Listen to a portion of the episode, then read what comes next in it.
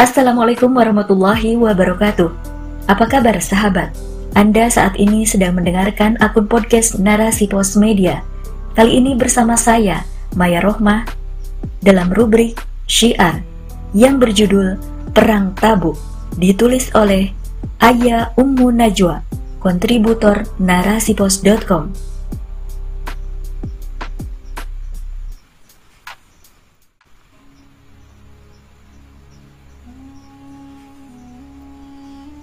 Pada setiap waktu-waktu tertentu yang dimuliakan dalam Islam, biasanya menyimpan sejumlah peristiwa besar.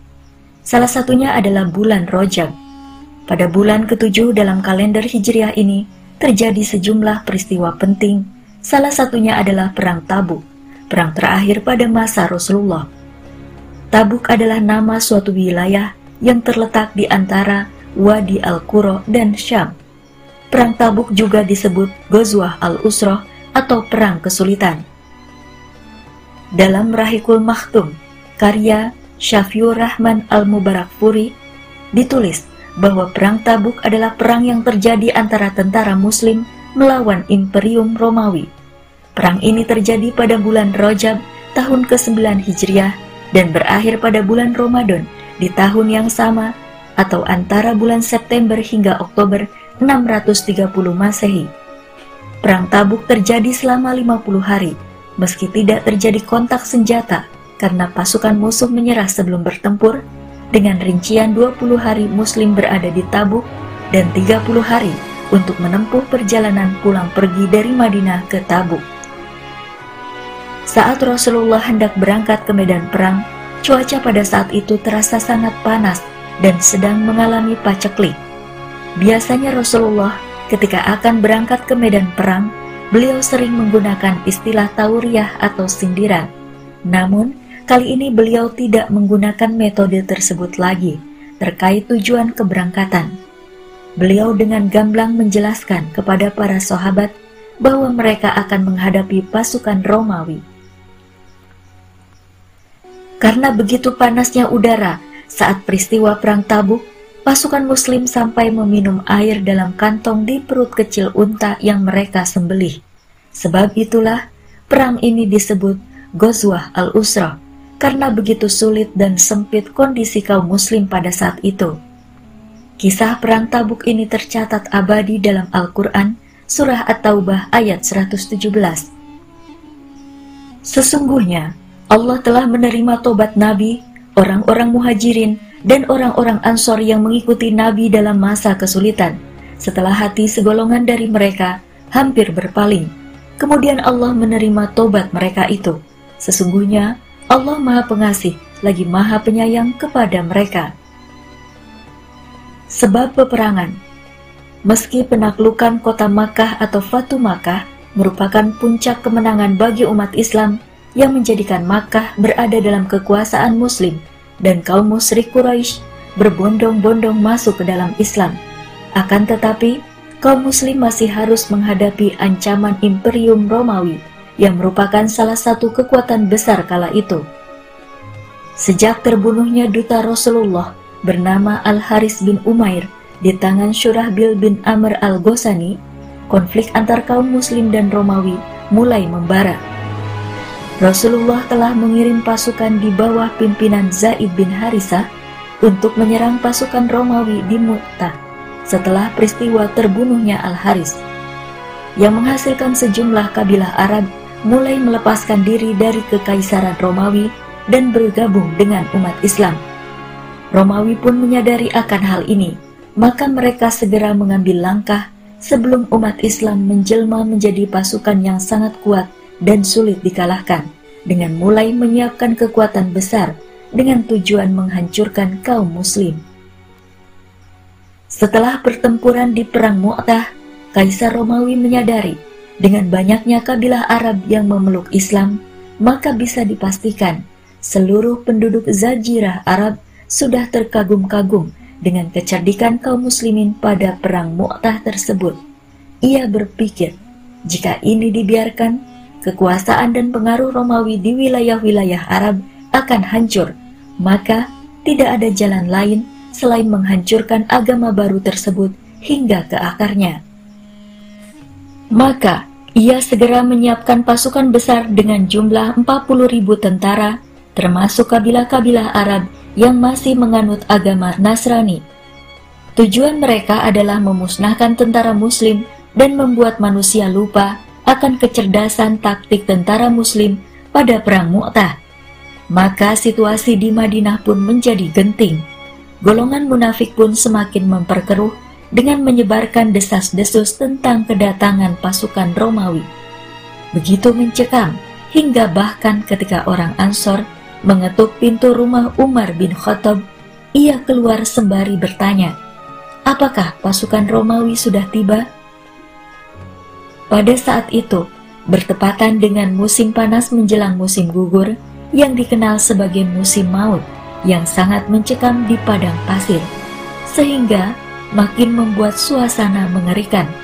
Semua orang lebih memilih berdiam diri di rumah atau di kebun daripada bepergian karena cuaca sudah mencapai derajat tertinggi sehingga Madinah tampak lebih sepi daripada hari-hari biasanya.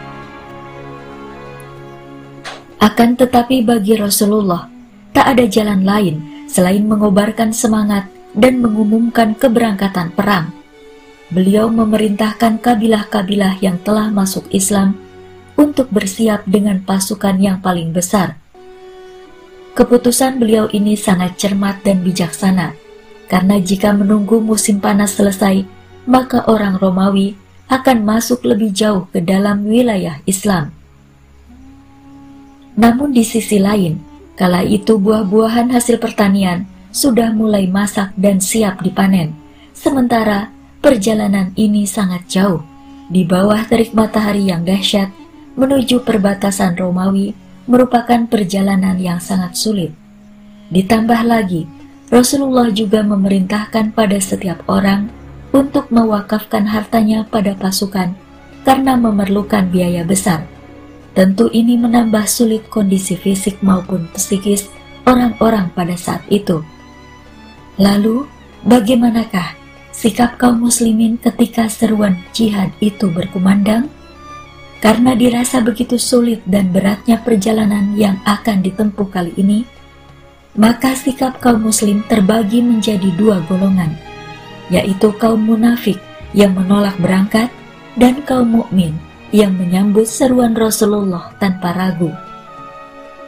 Bagi sahabat yang berharta, ini adalah kesempatan untuk berlomba-lomba bersedekah seperti Utsman bin Affan yang menyedekahkan 100 ekor unta lengkap dengan seluruh barang yang diangkutnya, bahkan masih ditambah dengan uang seribu dinar yang diletakkan dalam bilik Rasulullah.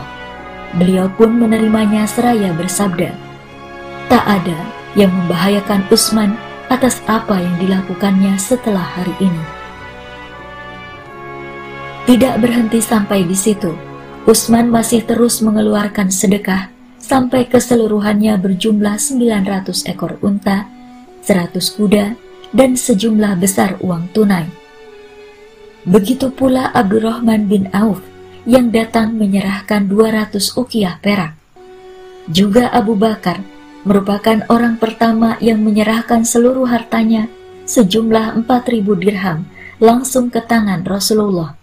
Hingga Rasulullah bertanya kepadanya, Wahai Abu Bakar, apa yang engkau sisakan untuk keluargamu? Jawabnya, Aku tinggalkan Allah dan Rasulnya untuk mereka. Begitulah totalitas Abu Bakar dalam perjuangan Islam hingga membuat Umar bin Khattab yang hendak menyerahkan separuh hartanya berkata, Aku selamanya tak akan mampu mengalahkan Abu Bakar dalam perlombaan kebaikan. Kaum muslimin terus berdatangan untuk menyerahkan apa saja yang mereka miliki, banyak atau sedikit. Syekh Safiur Rahman Al-Mubarak Furi, halaman 364-365, menjelaskan bahwa sebelum berangkat ke Tabuk, Ali bin Abi Thalib telah ditetapkan sebagai wakilnya di Madinah oleh Rasulullah, dan Rasulullah menitipkan keluarganya kepadanya. Setelah persiapan yang matang, pasukan muslim pun berangkat ke arah utara menuju Tabuk dengan 30 ribu prajurit. Meski telah banyak sumbangan yang berhasil dikumpulkan, namun ternyata belum mencukupi bagi seluruh pasukan. Sampai-sampai dikisahkan, 18 prajurit hanya mendapat jatah satu ekor unta tunggangan. Dan untuk bisa minum, mereka harus menyembelihnya untuk bisa mengambil air di punuknya dan memakan dagingnya. Sesampainya di Tabuk, pasukan demi mengorbankan pas semangat mereka, Rasulullah berkhutbah dan pasukan kaum muslim pun semakin bersemangat. Pasukan Romawi yang mendengar kabar bahwa Rasulullah telah menggalang pasukan besar menjadi ketakutan dan menciut mentalnya, sehingga tidak berani maju dan malah terpecah belah mencari tempat berlindung sendiri-sendiri, dan kemudian mengajak berdamai dengan bersedia membayar jizyah. Dengan demikian, meski tidak terjadi pertempuran, namun kemenangan bagi kaum muslim pun tetap diraih. Yang sejak saat itu, pasukan muslim semakin hebat dan jaya karena berhasil mengalahkan imperium raksasa Romawi dan membuat sisa kabilah-kabilah Arab pendukung Romawi berbalik arah memeluk Islam. Rasulullah dan pasukan kaum muslimin kembali ke Madinah pada bulan Ramadan tahun ke-9 Hijriah. Beliau lantas memaafkan dan memintakan pengampunan dari Allah untuk kaum muslimin yang membatalkan diri berangkat ke perang Tabuk. Namun, beliau juga memerintahkan kepada kaum muslim untuk tidak berbicara kepada tiga orang dari mereka, yaitu Ka'ab bin Malik, Hilal bin Umayyah, dan Murarah bin Ar-Rabi. Tiga orang inilah yang bertobat kepada Allah dan menjadi penyebab turunnya surat At-Taubah ayat 117 sampai 119. Wallahu a'lam.